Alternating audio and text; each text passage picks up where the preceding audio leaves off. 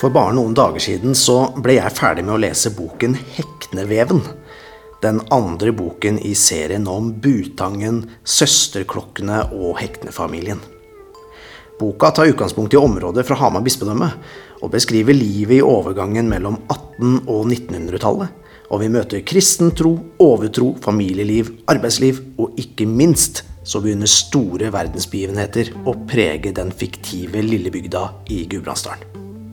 Det er en svært spennende bok, og derfor så er det en så stor glede for oss i Pod for Gud og hvermann at vi fikk ha forfatteren av dette verket i studio, selveste Lars Mytting. Så da la oss høre samtalen som vi hadde med Lars.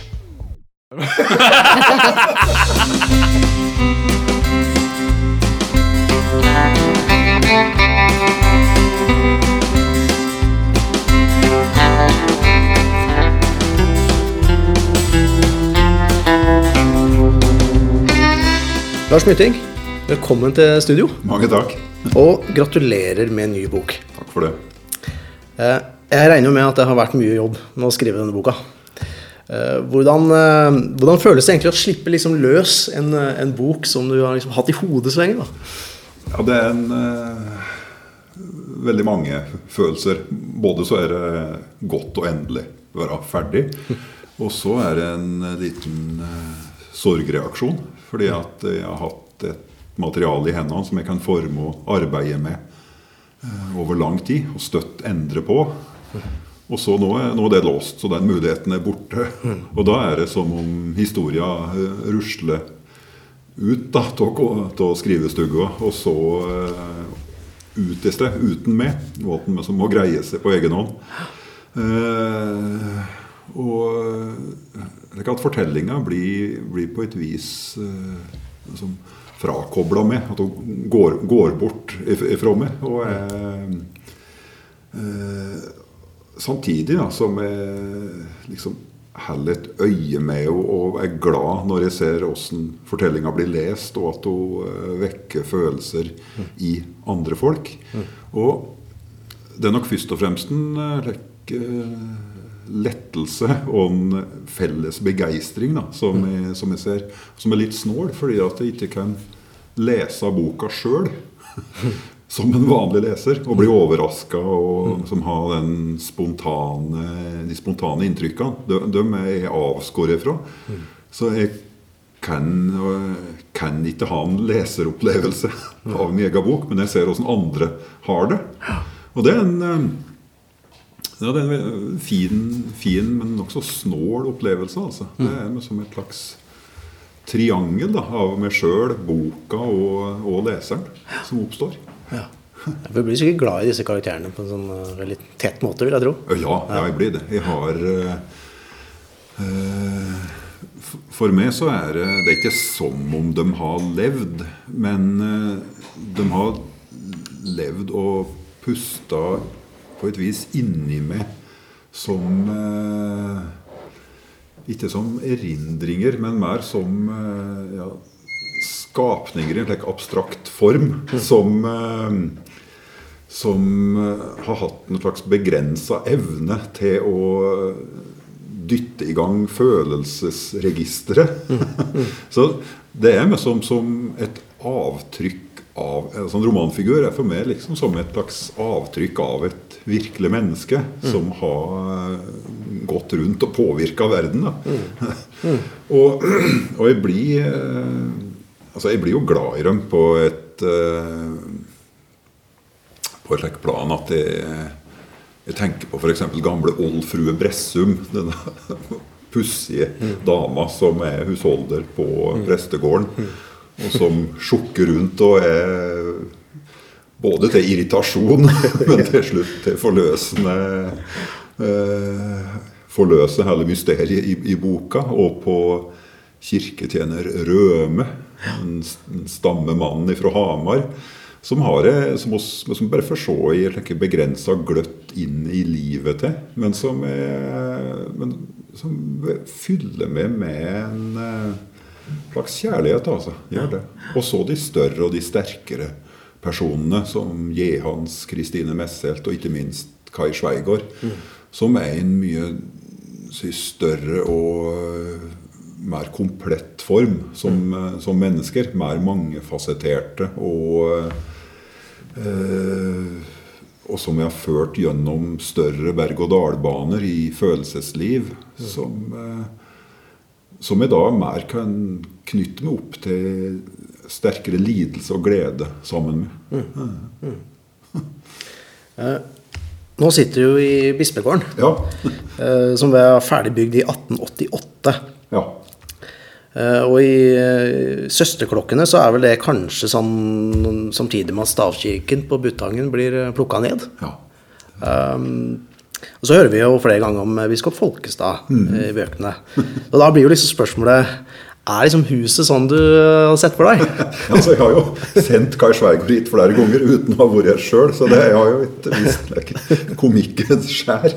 Uh, men det er omtrent, uh, omtrent det. Altså et verdig, eh, fin trebygning i den eh, vakre stilen fra før, før det århundreskiftet. Mm. Eh, med litt, med litt pondus, mm. som jeg har regna med at jeg skulle ha. Mm. Men jeg har jo bløffa min vei ganske kraftig der. Første gangen Karl Sveigård møter biskop Folkestad, da, det, det må ha vært i en annen bygning, for det er så tidlig som i 1880.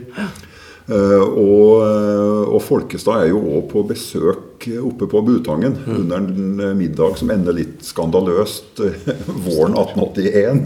Som ender med et nokså uhøflig oppbrudd. Men, og, og Sveigård er jo attende på bispegården flere ganger for å rote i arkivet, uten at jeg helt har visst veldig godt om det fantes et skikkelig arkiv. så noen, eh, noen, friheter der har jeg hatt, da. Men, eh, men, Folkestad var, var, veldig viktig for denne historien, fordi at han eh, var vel den, den presten i sin tid som fikk revet flest gamle kirkebygninger. Mm. Han var en talsmann for at da flere av gudshusene i Gudbrandsdalen var gamle og trekkfulle og ikke tjenlige for, for troen. Så slik sett så var han et, eh, en veldig viktig talsmann da, for det store skiftet som kom med, med, med mange, mange kirkerivninger og mm. utskiftninger. Og som Kai Sveigård da var et eh, Og gjorde i sin eh, tjeneste på fiktive Butangen. Da mm. fikk rive i den gamle stavkirka der. Mm. Så det er jo en måte å litt forsiktig knytte virkelige personer og dømmers uh, si, aktive gjerning opp mot fiksjon, og gi et like, litt forsiktig flettverk inn i uh, romanfortellingen, uten at det er for tett. Og så møter jo ikke Folkestad si, ansikt til ansikt i bøkene, mm. men uh, på en viss avstand så, så er en med. Mm. Og det er veldig viktig, syns mm. jeg. Mm. Men når man liksom tar i bruk eh eh, ekte personer, da, mm. eh, så medfører jo det et slags ansvar også for liksom eh, hva man legger inn i den munn, på en måte. Altså, de har jo levd og ja, gjort ting. Det det. Hva, tenker du rundt det når, når, du sitter og skriver? Jo, det syns jeg er viktig å trekke opp den oppgangen. Fordi at uh, hele tida så driver fiksjonen nokså nær virkeligheten. Og hvis den, uh, hvis den tråkker inni på feil måte, så brister jo fiksjonsdrømmen i folk, og at man er over i det rent dokumentariske. Så for meg er det viktig at, uh, at det tegner opp et ganske riktig bilde, men mer som en kulisse. Mm. Og at og at det ikke går for tett innpå personer som har levd. Og legger for jeg, jeg tror vel og ikke sitere de får si, lage store dialoger mellom en fiksjonsperson og en mm. eh, person som har levd, det syns jeg ville være feil. Mm. Eh, både fordi at man da vil eh, automatisk som ved lesningen begynne å si, sikte seg innpå den reelle personen. Var dette her noe vedkommende faktisk sa, mm. eller ikke? Mm. Og dermed så blir det en eh, vingling og et slags eh, rot, mm. syns jeg, i, eh, i leseropplevelsen. Mm. Så, så, det er mer det av, av en slik håndverksmessig grunn da, at det gjør det, og ikke nødvendigvis en eh, skyhet for det dokumentariske. Jeg prøver støtt å trekke opp helt riktige historiske kulisser med årstall og, og, og hendelser. Mm. Men innafor det at så kan man spille ganske friskt i, i fiksjonen. Mm. Uh, det som jeg lar meg veldig imponere i, i, bøkene dine, er jo en ekstrem sånn detaljrikdom. Uh, og jeg er ikke ekspert på liksom, jordbruk eller jakt eller uh, noe sånt, men jeg blir jo veldig overbevist da, av ja, dine beskrivelser. Ja. hvordan er det du gjør research? Ja, jeg har uh, to måter. Det ene er at jeg faktisk gjør det etterpå. Etter at jeg har skrevet uh, grunnhistorien. Og så har jeg tenkt meg at jeg skal føre vedkommende inn i det og det miljøet. Og gjøre det og det. og så prøver jeg da å prøver da å finne ut om det faktisk gikk an, og så justere litt etter det. Og oftest så finner jeg ut at det gikk an. Ikke bare det. altså Det var enda mer eh, overraskende og stort og mangfoldig enn jeg hadde trodd. Mm. Eh, det andre er at jeg sonderer og leter i gamle skriftlige kilder. Og da, da syns jeg det aller beste er å finne det som er gjort i samtida. Altså i, eh, i periodatidas brev og avisartikler. Mm. Fordi ettertida har støtt fortolka og justert og uh, forklart det som skjedde. Mm. Men uh, detaljene fra samtida er støtt mye sterkere. Mm. Og så kanskje det viktigste laget, det er når jeg da nærmer meg sin persons yrkesliv. Så har jeg prøvd å være på et sted, gjøre det vedkommende gjør, uh, og ha de redskapene i hendene. Mm. Eh, gjelder jordbruk, så har jeg prøvd å slå med gamle ljåer. Jeg har prøvd å bryte opp mark med enkle redskaper. Bare for å kjenne åssen dette slitet faktisk er. Eh, og når det gjelder Kai Sveigård, så har jeg da innen sømmelige og diskré former bl.a. fått lov til å låne og, og prøve gamle presteklær. Uten at jeg har liksom vikla meg inn i noen eh, liturgiske gjerninger eller, eller uh, gjort det. Men jeg har, jeg har fått, jeg har fått prøvd åssen det er å gå i en 100 år gammel prestekjole i tom kirke. Og, og, og, det er ikke for å beskrive så mye den, den faktiske opplevelsen av det, men det er for å gi meg en stødighet av at uh, kan skrive om denne personen. Mm. Og at, at, jeg har trådt et steg nærmere vedkommende. Mm. Og, og, det, det, det, er slike ganske fine øyeblikk der jeg med, som jeg nærmer meg med ganske stor jeg vet ikke om andektighet blir det rette ordet her, men, men det, det, er ikke noe å gjøre med som en lettbenthet. Det, det, det, gjør meg ganske stort Eh, stort alvor. Fordi at det er en eh, Særlig det å ta på seg en embetsmannsdrakt, det merker jeg gir meg en uh, endring i min væremåte, talemåte, og, og at jeg trer ut, bort et steg da, av meg sjøl og inn i en mer slags formynderrolle. og det, alt dette der syns jeg er et det flytter seg liksom inn i hodet og blir en, uh, gir meg en mer nærkontakt med, med personene. Mm. Dette her og helt over til at jeg prøver å utsette meg for andre slags sanseopplevelser. Uh, I denne boka så er det jo, jo et, en, en, hard kamp mellom storfolk og småfolk. Det er jo noe som er ganske borte i dagens Norge. Mm men som var veldig markant på den tida. At det var, det var et, eh, et, lag med fattigfolk. Og du hadde storfolket, og du hadde husmannsklassen. Mm. Og åssen det kjennes å eh, være som liten og ikke høre til, det er noe som eh, vanskelig å oppleve her i Norge. Men jeg kan love at du kan oppleve det hvis du, som jeg gjorde, da. Jeg gikk, gikk med en tur på blant dyre boligstrøk i eh, Belgravia i London. der de har, eh, fortsatt har portnere. Og deres oppgave er å helle da glanere unna. Og så gikk jeg rundt der og bare hadde følelsen av at det ikke, oi, her, her hører ikke til. Her er jeg, dette er for folk i et annet samfunnslag enn meg. Og følelsen av å bli beglodd og bli sett på som at her hører du ikke til. Det er en uh, verdifull ting som jeg tar med meg.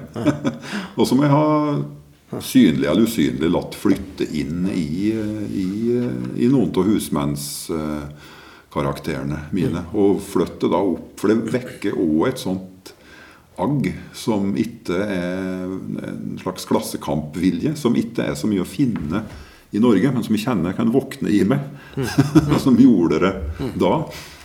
Så, så, det er slike små, rare øyeblikk da, som, som, som, jeg liker å ha gjort, og som, fører, som, jeg prøver å ta vare på, og som jeg kan ta opp igjen noen år senere og putte inn i en romankarakter. ja. Du kjenner kanskje igjen den følelsen litt i sånne ulikhetsdebatter og sånn, så kan man få litt den samme sånn der, at det er forskjeller. At det er, det er forskjeller, liksom. Ja, det, det, det er jo det. Også, men, men den, den, som jeg har jakta på her, det er, en, det er den eh, som kun er knytta til økonomi.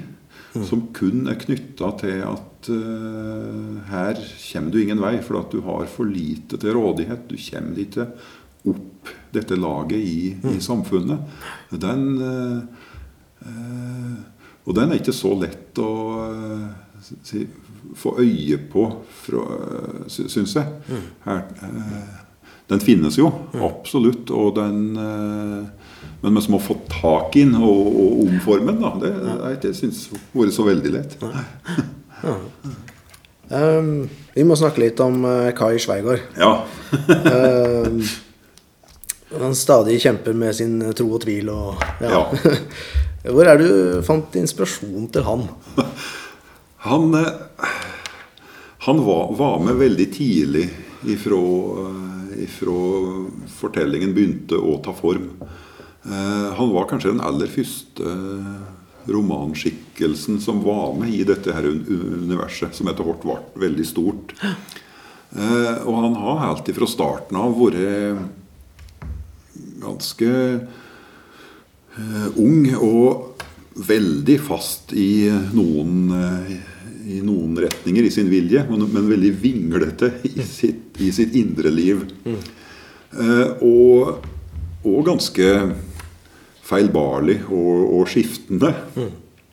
Og mange har med rette sikkert irritert seg kraftig over Kai Sveigård i den første boka som en eh, nokså blind og eh, veldig viljesterk, men eh, men veldig steil moderniseringens mann uten noe særlig sideblikk. Mm.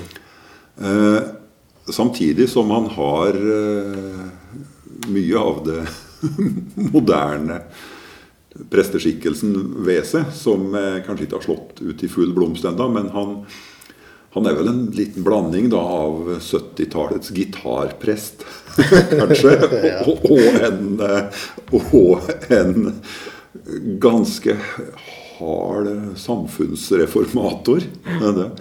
Og så utsettes han jo i, i, slutten av første bind av 'Søsterklukkon' for en veldig brutal omveltning når han først gjør et, et svik, og som senere fører til at eh, den en setter høyest eh, det er kanskje ikke hans skyld alene, men hun forsvinner i hvert fall ifra han og, og, og, dør. Og når vi møter at Kai Sveigård i, uh, i bind 2, så er han 20 år etter så, så er han en veldig endra mann. Mm. og det som skjer, det store, store spranget og, og, fallet for Kai Sveigård, er jo at han mister trua på Gud. Mm. Eh, og eh, at det oppstår en kolossal harme i han over, eh, over Herrens rådighet over menneskene. Så han forlot jo mye av sin gudstru. Mm. og det er òg en scene der man nok kan si han spotter Gud. Mm. Og han inngår en slags pakt et par år etterpå. Eller de kommer til en slags enighet med Herren om at de skal prates igjen om 40 år. Og fram til da så le herren Kai Sveigård eh, styre på Butangen eh, i eh, dette soknet som da Gud kanskje ikke har glemt, men som han uten særlig betenkelighet ler Kai Sveigård rå, rå over. og så er det et Du kan si at dette er jo en ganske grov og hard hardt avbrudd av en av et, eh, eh, et skifte som antagelig er mye mer mangefasettert og rikt enn det som er beskrevet i, i bøkene. Altså for en, eh, for en, mann som mister trua fullt ut på sin Gud, så vil nok det det bruddet, bruddet, vil ikke være så glatt og, og, og, og hardt. Det vil ikke være skåret av liksom, med en stor, blank kniv og bare ha ei sårflate. Det vil være ganske raggete det såret, og fylt med lange tråder fylt av, av tvil, håp, trøst, eh, eh, lengsel. Eh, men slik jeg har tenkt det, så er de, så er de endringene der, altså de sårkantene Måten de størkner på, det skjer i, det skjer i spranget mellom de to, to bøkene her. Og når vi da møter igjen, så er nå en blitt en veldig endra og modnere mann. Mm. Som òg har en interessant skiftning i seg ved at han eh, begynner å eh, interessere seg mer for den gamle overtrua. Mm. Natur, skal en kalle det, naturreligionen. Mm. Eh, og så kommer det et spørsmål opp underveis om Kåre vil si og tru. Og, det, og, for meg er det kanskje det mest interessante steget, og det som jeg kanskje har klart å personlig interessere meg mest for. Eh, og det handler om at eh, desto lettere det er å bevise noe, faktisk, desto mindre kan oss kalle det tru.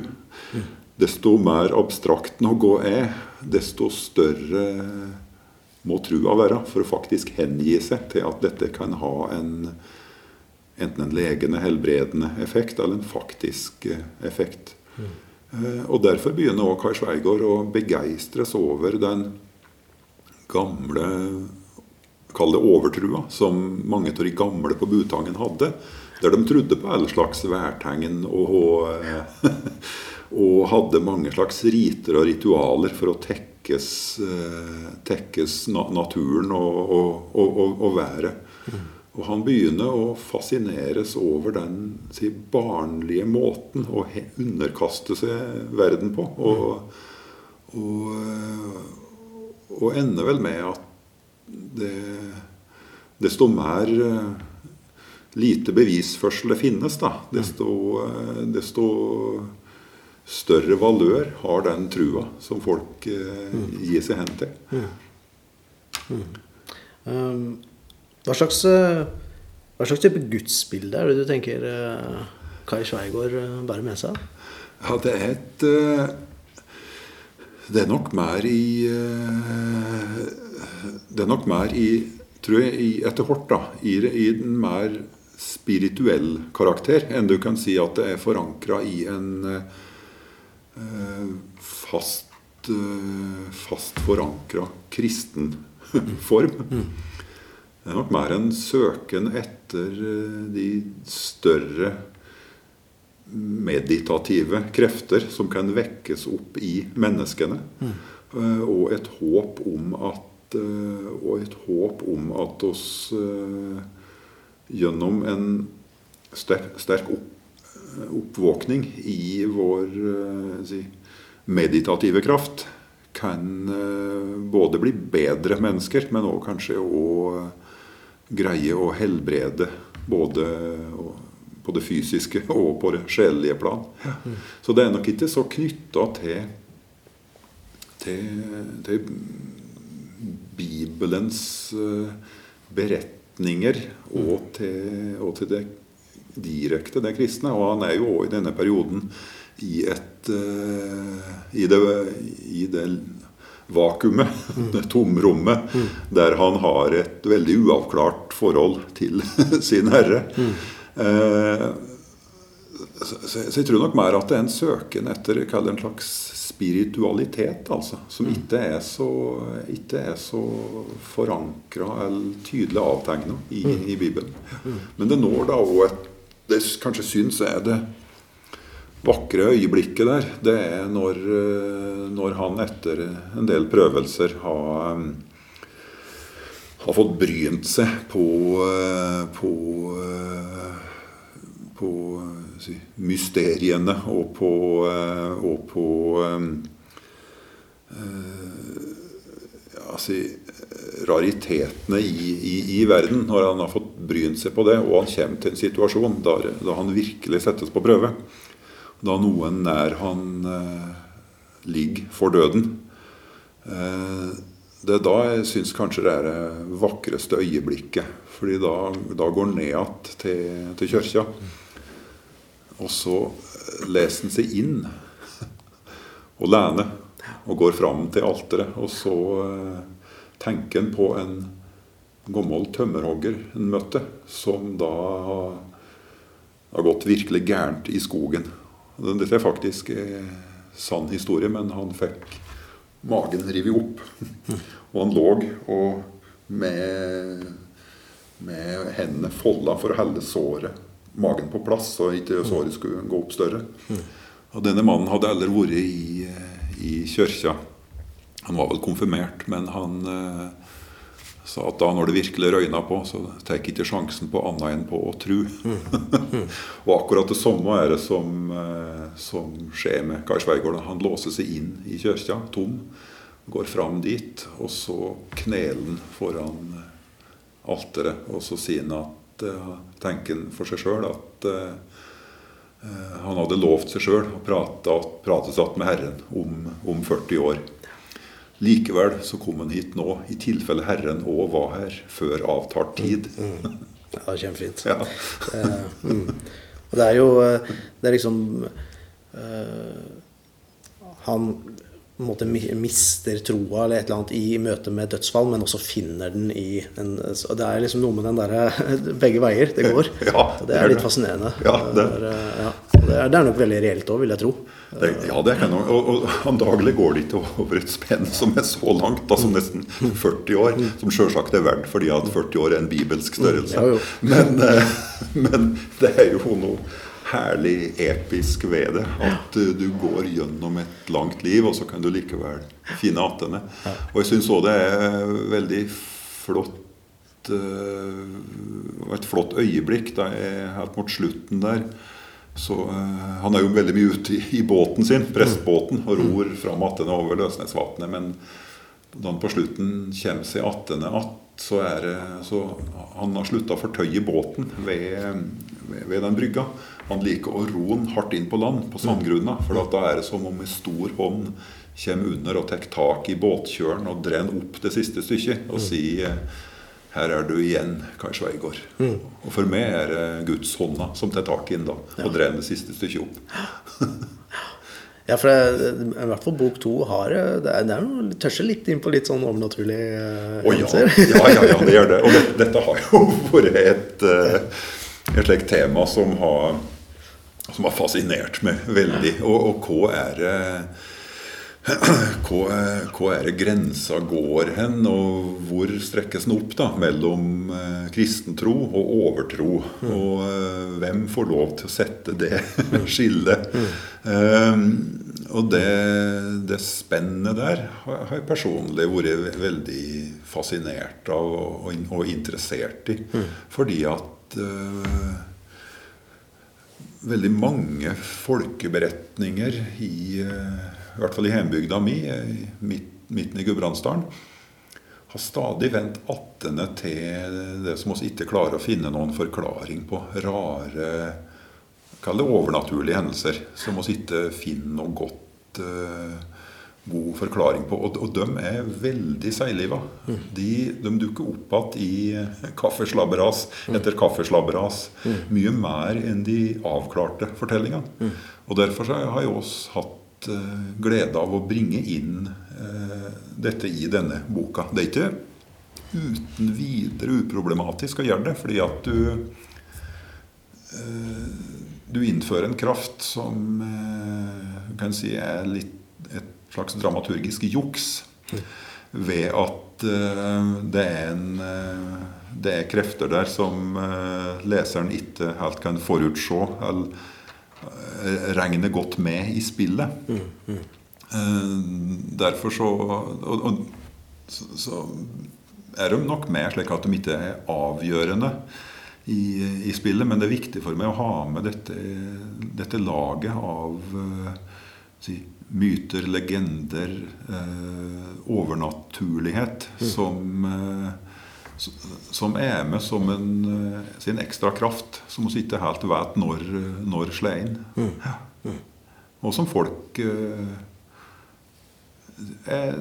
undres over og er i tvil om, eh, om faktisk finnes eller, eller ikke. Um, jeg er eh, tvillingpappa. Ja. eh, Og det tror jeg kanskje du er Ja, jeg Ja. Eh, og jeg, jeg syns jo eh, noe av det vakreste i disse bøkene er liksom dette båndet som beskrives mellom, mellom to. Eh, brødre i bok to. Og selvfølgelig altså bildet rundt søs søsterklokkene. Altså Det er en slags sånn lengsel som ligger der, selv om man ikke, ikke har møttes. Eller når man blir splitta, så er det noe som ligger der. Um, jeg får en sånn følelse av at liksom det, er, det, det er noe som er viktig for deg, det båndet, når du leser bøkene. Ja, ja. Det, det, det er nok mer viktig eh, som et resultat av eh, det, den aller eldste fortellinga om, eh, om, eh, om Heknesøstrene, som var sammenvokste tvillinger, som er si, eh, grunnloven i denne boka. Et gammelt sagn fra Dovre, og som er med fra veldig tidlig i bok 1. Det er nok viktig Det er mulig jeg har det at jeg har det med meg personlig òg. I og med at det er far og to, to døtre, født med ett minutts mellomrom.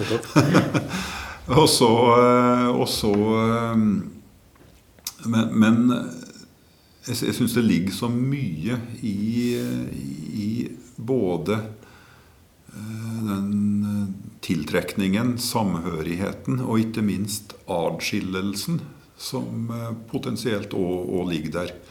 I vennskap og uvennskap. Og som i sin tur er symbolisert på et enda mer konkret plan i eh, fortellingen da om de to kirkeklukkene som er beskrevet i søsterklukkene.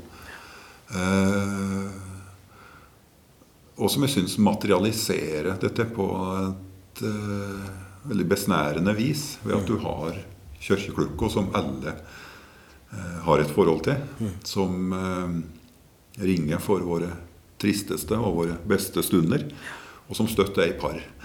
Eh, og som eh, heller ikke kan skilles ad, for da klinger kling faktisk den ene klukka tristere. Eh, så den eh,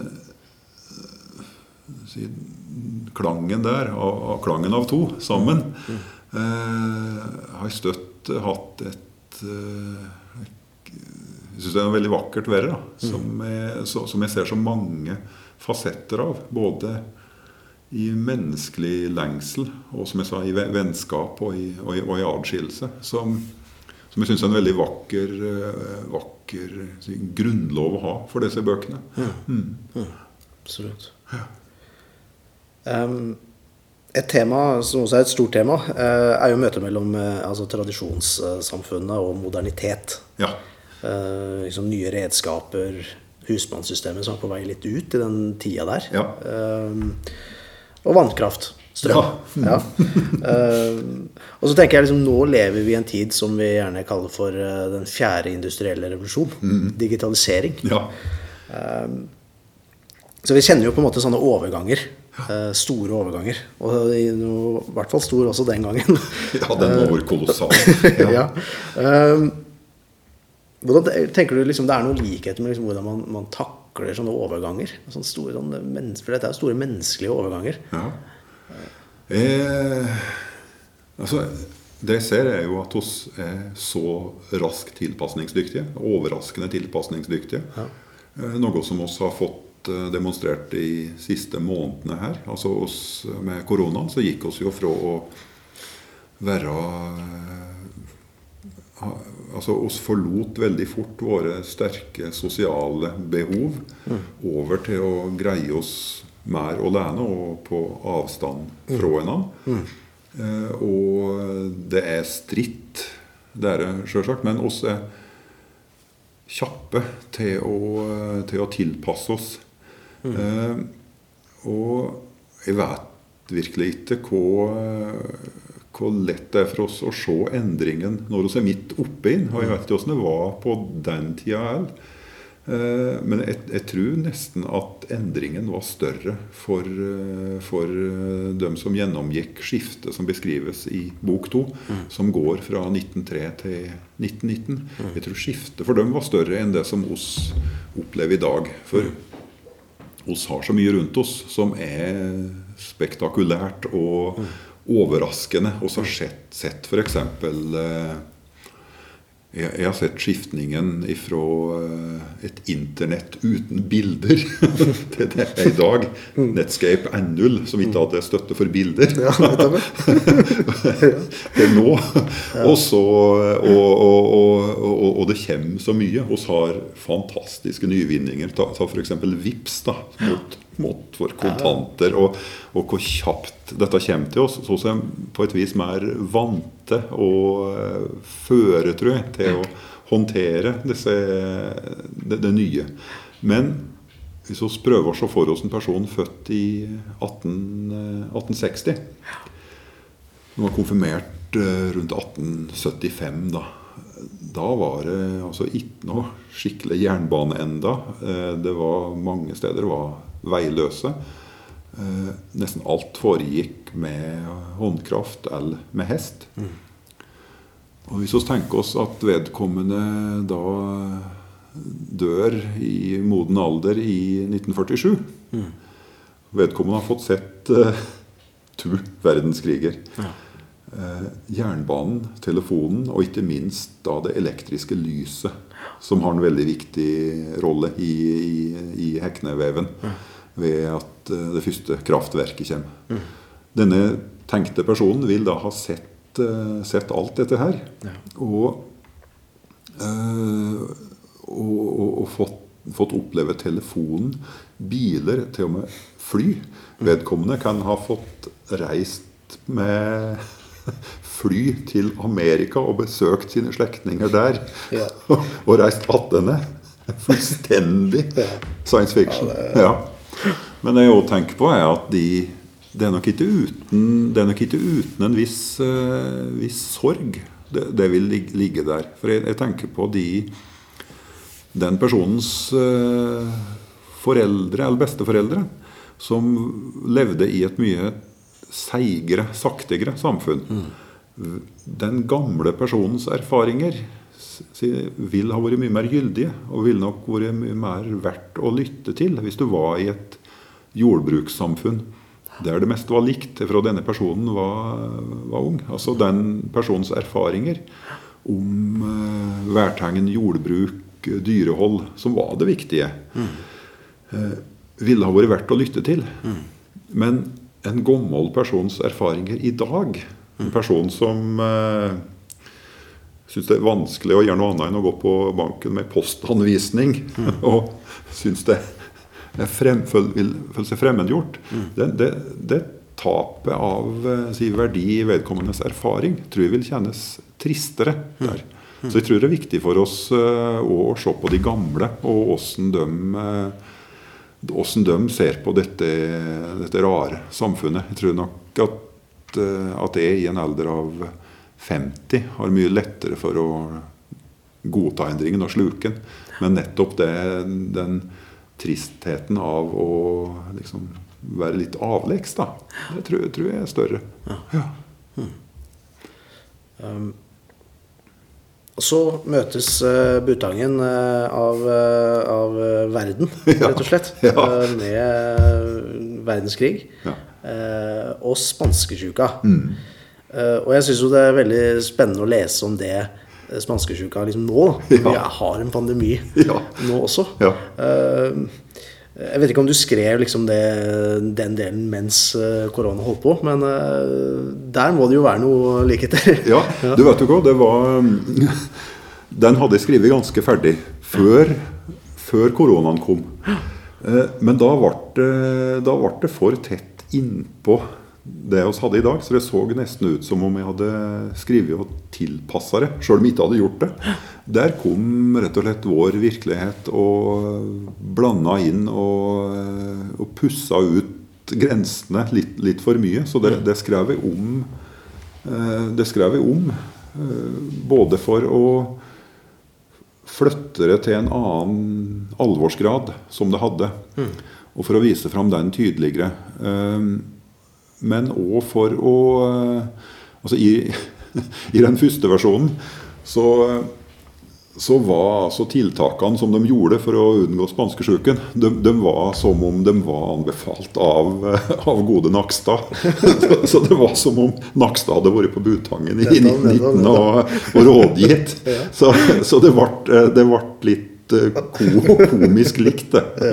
Med å, eh, så, så det Estan gjorde, var å var å, å, å, faktisk syne fram eh, alvoret ved en, ved en eh, så brutal og snikende og lei sykdom som dette var. Ikke minst fordi at den, eh, den var dødelig for de unge og for de sterke. Eh, motsatte av det vi har nå. Og, og, og, og det andre som jeg, som jeg fant mer interessant, som jeg òg løfta opp litt mer i den senere versjonen, det var eh, avisene og offentlighetens behandling av spanskesjuken. Slik det er nå, så har vi jo eh, koronatall minutt for minutt, og grafer og oversikt og eh, intervjuer med folk som blir, blir ramma. Eh, på den tida der så var det ikke framme i offentligheten i det hele tatt på den måten. Døden og sykdommen var sett på noe som noe veldig privat.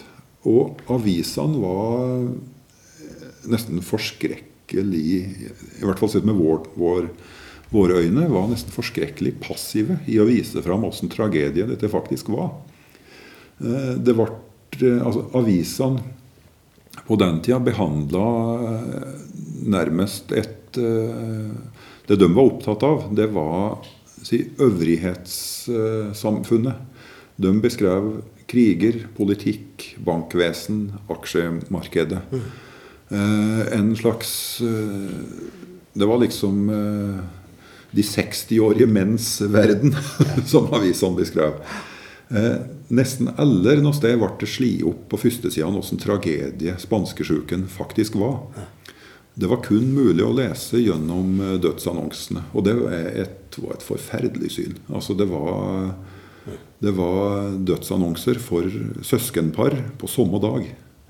Og det var en rekke altså det, Gjennom det er mulig å se altså, en kolossalt mørk tragedie. Men som faktisk ettertida glemte, og historiebøkene glemte den fordi at den, eh, den aldri ble løfta fram på det, på det personlige planet, slik som oss nå er dyktigere til å gjøre. Så det ble et, eh, det ble et eh, tema eh, si, i spanskesyken 2.0 som kom opp der. Men òg et Det pusser igjen, da, så vender jo eh, nytten av å ha en prest med i spillet tilbake. Fordi en av de eh, mest overraskende tingene der, det er den lange kampen for uh, særkalken. Ja. Den dukker opp. Så enda en gang dukker kirkelivet opp igjen da, som en slik veldig Den har alltid en slik overraskende tråd inn i folks liv, og inn i, og inn i si, si, den nære overrask, mange nære, overraskende detaljer i samfunnet. Og en av de store diskusjoner som gikk, eh, der man kan, eh, som man kan komme veldig nær ved å lese gamle utgaver av kirketidene, der det er, den kampen for å eh, få eh, bukt med smitten ved nattverden. Fordi at uh, selve ritualet handler om å drikke av felles kalk. Og da var det en eh, lang lang diskusjon om, eh, om man kunne gå bort fra det. Og det var stor, stor motstand. Og de mest eh, hardnakkede påstår jo òg at det var umulig at smitte kunne spres ved et så hellig ritual som nettopp nattverden. Eh, og, eh, og de enda mer hardnakkede, som òg fantes, eh, kom da med at ja, hvis så var tilfellet at smitte faktisk kunne spres, så skulle ikke en sann kristen frykte døden. i det hele tatt. Og det er et eh, argument som eh, eh, nok ville være vanskelig å komme langt med i, i dag. Da. Jeg tror du måtte forberedt deg godt for å komme, komme noen vei med det. Og, og, og så samtidig med dette så foregår det jo da en ganske i nåtidsøyne underholdende diskusjon om åssen hvordan de kan utvikle andre Den smittefrie kalk, bl.a., som har en slags kraveform som gjorde at de da drakk av den samme kalken, men ikke av det samme stedet. Uh, og det var en lang, lang diskusjon for å få til det fram til da faktisk særkalken kom i 1914. Da man da kunne drikke av det enkeltes beger.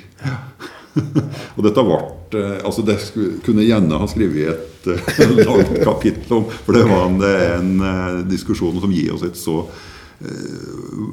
flott og nært bilde av hva, hva folk fant veldig viktig den tida. For folk påstår jo ikke dette her for å være si, steile stabukker. Det var faktisk viktig for vedkommende som eh, både kjempa for å bevare den gamle måten og for å få, få inn den nye. Så det er et eh, Debatten om særkalken burde fått sitt eget Ja. store kapittel. Vi har jo hatt noe tilsvarende i denne tida her, med om man kan ha nattverd digitalt f.eks. Ja. Det er jo et spørsmål. Og akkurat i dag så blir det jo etter de nye smittevernreglene i Oslo, så er det jo ikke lov å dele ut nattverd. Nei, det er ikke det. Man har ikke lov til å bevege seg i rommet inni nei. Så det Ja. Da er vi altså akkurat tilbake i Ja, akkurat det faktisk. samme. Og den, eh, Fascinerende. der har menneskeheten vært før. Og så er det selvfølgelig en, en eh, likhet, tenker jeg, den der med den, altså hvor farlig det var å pleie de syke. Ja. Og det er litt det samme som i dag, at eh, de, de som er i førstelinjetjenesten, de tar sjanser. Ja, virkelig. Det, ja. Ja, ja, ja. Og det er en eh, det, det er motet som, som utvises ved å være nær de, de sjuke. Og, og si, den menneskeligheten oss forlater ved å le noen dø alene, det er, et, eh, det er verdt sin ettertanke, altså. Det er det. Og Kai Sveigård kommer ganske nær den etter hvert i, bo, i boka. Og I den ytterste konsekvensen så våger en faktisk å tenke at uh, uh, og, og det var nok en frykt som, uh, som fantes i den tida. Hva om dette her faktisk er den, den sykdommen som utsletter oss alle? Det kunne de ikke vite, at det ville ta slutt med tre bølger. Den hardeste bølgen av spanskesjuken var nummer to, faktisk, som var i november. Stemmer. Tida da å spille inn dette her. Eh, Men de kunne ikke vite når det sluttet. Så han stiller seg et sted spørsmålet om eh, hva faktisk om dette her er pesten som utsletter oss alle. Hva om den utsletter alle sammen? Og eh, så ber de jo presten da å holde seg unna de, de sjuke. For eh, kom oss dør alle sammen? Hvem skal da begrave oss? Han ser etter. Da blir det den siste, den siste som står igjen. En, eh, en nifs tanke. Men som jeg tror, eh, som jeg tror dukka opp altså på den, den tida der. Som jeg i, heldigvis i dag tror oss ikke at vi slipper unna. Eh, den tiden den flyr fra oss, eh, Lars. Eh, Ja, jeg prater. Jeg, jeg, jeg begynner å prate. Så. Nei, men Det er så mye spennende. Og, Ja. Men jeg lurer jo litt sånn som på slutten her, da, altså, liksom, hva, er, hva er planen videre nå? Kommer det noen nye eventyr fra Putangen? Ja da, det gjør det. Altså, dette har støtt vært tenkt som, som tre bøk. Som tre generasjoner som uh, har uh, sine ting å stri med, og sine besettelser og, og bale med. da. Og den, jeg var litt blyg da den første boka kom, og den var nok eh, den var, Der flagga oss ikke så høyt at jeg hadde tenkt å skrive tre, tre bøk. Men eh, jeg har lyst til å eh, føre det videre en generasjon. Og jeg vet omtrent åssen alt skal, skal ende. Eh, Jeg kan nok ikke røpe verken tidsperiode eller hva som skal skje. Men, eh, men det blir jo gitt noen hint i, eh, hint da, i, eh, i bok, bok to. Uh, og et av de uh, momentene som fortsatt står uavklart Kai Sveigård er jo en godt voksen mann i slutten av, eh, i slutten av eh, denne boka. Han har passert 60.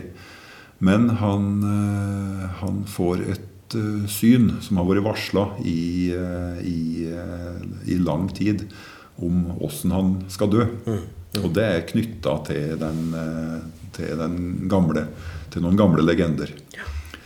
Og det som òg gjenstår, er den, den rare profetien som har versert i bygda om et slags dommedag, da alt ender. Men som oss ikke vet om er verdens ende. Eh, Eller om det er bare slutten på en slags eh, samfunnsorden, nemlig det som heter skråpånatta. Tida da, eller natta da jorda skal skrapes ned til bart fjell, og levende og døde skyves fram til doms ved soloppgang.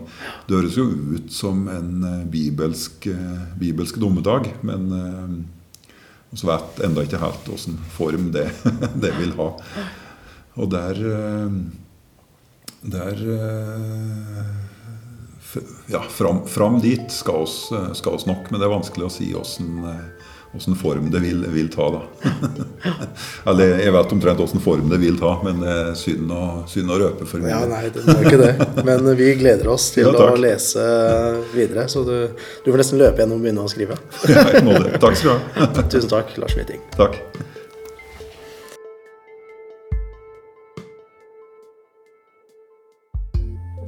Neste episode av Pod for Gud og hvermann får du automatisk med deg hvis du følger oss på Spotify, iTunes eller Soundcloud. Følg også Pod for Gud og hvermann på Facebook.